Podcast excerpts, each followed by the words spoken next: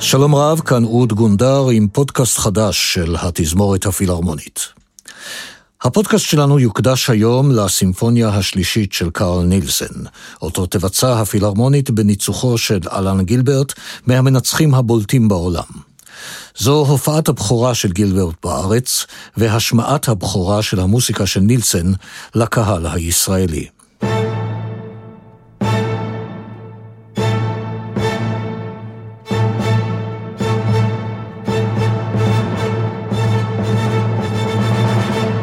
האם מלחין מסוגל להיות מופתע מהמוסיקה שלו עצמו?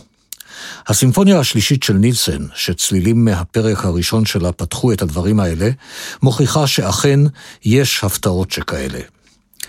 אחת הנקודות, הטובות או הרעות, תלוי את מי שואלים, בלהיות מלחין ותיק, כזה שעובד בעקביות שנים רבות, כותב יצירות מוצלחות, פחות או יותר, זוכה להכרה ולכבוד, ואפילו מתוגמל באופן סביר על עמלו היצירתי.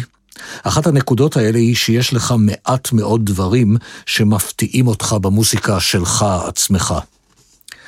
חלק מהמלחינים פתרו לעצמם את משבר אמצע הקריירה הזה בכך שהתחרשו, כמו בטהובן, מתו צעירים ועניים, מוצרט, או שדעתם השתבשה, שומן, סמטנה, סיבליוס.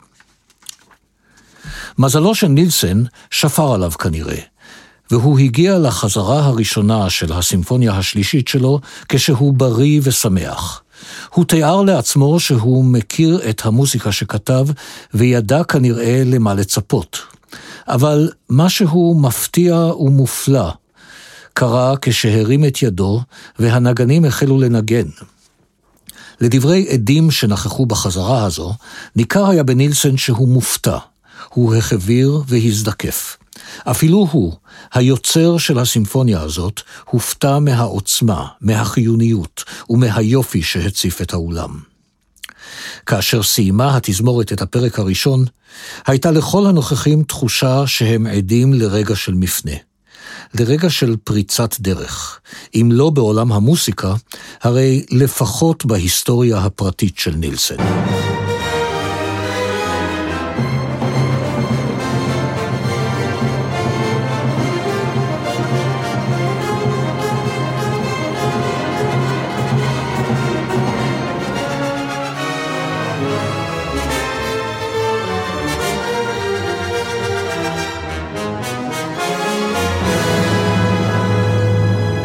המלחין, פרופסור עודד זהבי, שלום לך.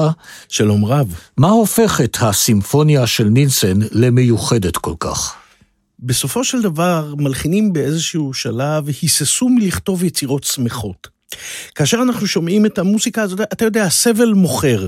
הסבל הוא דרמטי, יש שאומרים שהסבל הוא מוסיקלי. אין אהבות שמחות. אין אהבות שמחות, ואולי המוסיקה השמחה תמיד חשודה בבנאליות מסוימת, אבל כששומעים את היצירה הזו, רואים דוגמה פנטסטית ליצירה שמחה, שופעת, מרווחת, גדולה, 35 דקות של בהירות שמזכירה לנו שמוסיקה זה דבר יפהפה. בסופו של דבר, יש, אתה יודע, תמיד מדברים על הקשר בין היצירות של המלחינים הגדולים ובין החיים האישיים שלהם. יש איזו אמירה מרושעת שהסימפוניה הזו חוגגת את הגירושין של אה, נילסן, הוא היה נשוי די רע והתהליך הזה היה די אה, מכוער. אבל אנחנו כקהל שלא כל כך מעניינים אותנו החיים האישיים של המלחין, מרוויחים פה בגדול.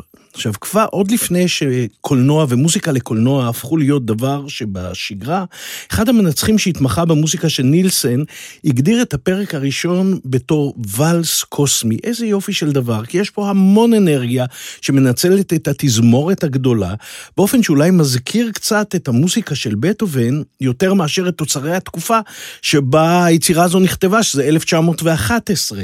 בכלל, האזכור של בטהובן בהקשר הזה לא יהיה לגמרי מופרך, יש כאלה שאומרים שהאקורדים הפותחים את היצירה אה, מזכירים קצת את ההירואיקה של בטהובן, אנחנו ניתן לכם לשמוע ולהחליט לבד.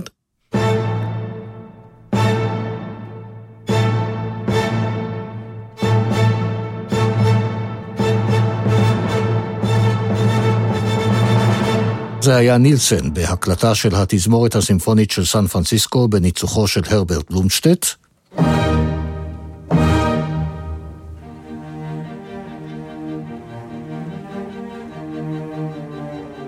ובטהובן, בהקלטה של התזמורת הפילהרמונית הישראלית בניצוחו של זובין מטה. ויש מי שיגידו שגם בסופו של הפרק יש הדים לסימפוניה החמישית של בטהובן.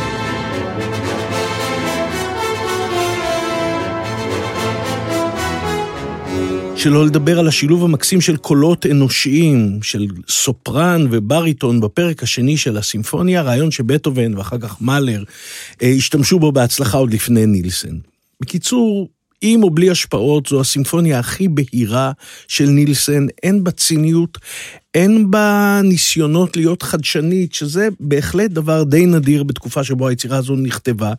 אה, ויכול להיות שהעובדה שנילסן פעל בדנמרק ולא בגרמניה או בצרפת, אפשרה לו להיות מלודי ונגיש בלי לדאוג מה יגידו החבר'ה. אה, גם אין פה שום רגע שבו אנחנו לא מבינים מה המלחין מרגיש, אה, ולכן היצירה הזו היא פשוט יצירה מהנה. יחד עם זאת, חשוב להגיד שהכתיבה הזו היא לא כתיבה אנכרוניסטית או שמרנית, ההרמוניות של נילסון לא מזכירות את בטהובן או של שומן, אה, אבל הוא גם לא ציני כמו שוסטקוביץ' או גדוש מדי, כמו במוזיקה של וגנר או של שטראוס. הוא כותב מנגינות נפלאות לכלי הנשיפה, אני חושב שלנגני הפילהרמונית שמנגנים את היצירה הזו בפעם הראשונה, יהיה פה באמת תענוג גדול. הוא כותב מרקמי ליווי תומכים ומלודיות רחבות לכלי המיתר, והוא מפגין מיומנות של מלחין מצוין, אה, שאמור, ש, שבחר להיות שם בין היתר גם עבור הקהל. עכשיו, היצירה הזו זכתה, ואתה עוד תספר על כך בעתיד, להצלחה מאוד גדולה, אבל כמלחין, אני אומר שיש יצירות שאתה מגלה שמבעד למקצועיות של המלחין, מופיע גם המנץ', הבן אדם. אז זו יצירה מאוד מאוד אנושית. אם לחזור רגע להיסטוריה של היצירה הזאת.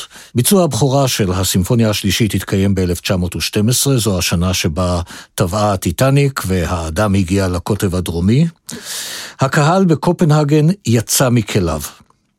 באותה שנה ממש, כאשר השמיעה תזמורת הקונצרטחבאו באמסטרדם את היצירה לקהל בהולנד, התגובות והביקורות היו נלהבות ביותר.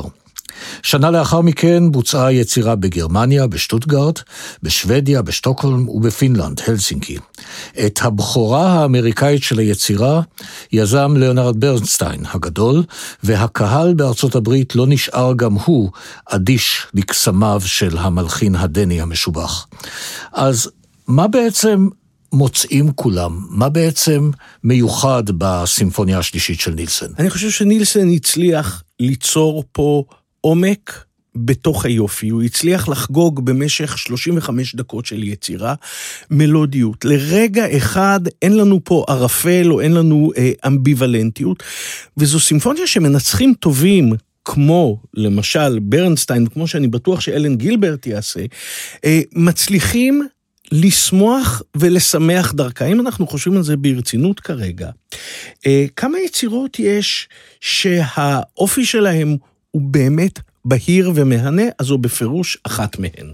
כן, אה, נציין שנילסן, שאומנם אה, מבחינת אה, השנים, שייך לתקופה מאוחרת יחסית, הוא נולד ב-1865 בדנמרק וחי שם עד שמת ב-1931, אבל הוא נשאר במהלך חייו נאמן לסגנון מוזיקלי שנדמה שלא הושפע מדי מהאופנות ומהסערות, אותן עברה המוסיקה במאה ה-20. בכלל, המוסיקולוג האמריקאי ג'יימס קלר מציין בהבחנה מעניינת שהסגנון של נילסון מזכיר קצת את תנועת הפרש במשחק השחמט.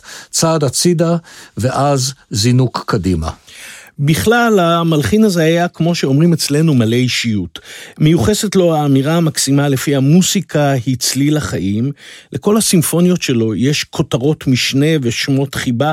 החמוד שבהם מיוחס לסימפוניה השנייה, הקרויה ארבעת המזגים או מצבי הרוח, אה, ובה נכלל הפרק החביב עליי להאזנה במוצאי שבתות, מלנכולי ופלגמטי.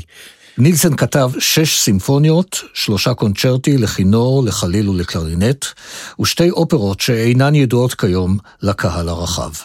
ורגע לפני שאנחנו חוזרים אל המוסיקה של נילסן, אי אפשר שלא לסיים מבלי לציין כי סדרת הקונצרטים בניצוחו של אלן גילברט תארח בין השאר, בערבים שונים, גם את הפסנתרן ינון בר נתן בקונצ'רטו מספר 2 של רחמנינוב, את הכנרת ליסה בתיאשווילי בקונצ'רטו לכינור מספר 2 של פרוקופייב, ותכלול גם את גופה נפלאה מאת אנדרס היילבורג, ואת הפתיחה לאוברון מאת ובר, ואת הסימפוניה מספר 9 של דבוז'אק, מן העולם החדש. מידע נוסף זמין באתר התזמורת הפילהרמונית. ונחתום, איך לא, בנילסן, ההקלטה של התזמורת הסימפונית של סן פרנסיסקו, בניצוחו של הרדלט בלומשטט.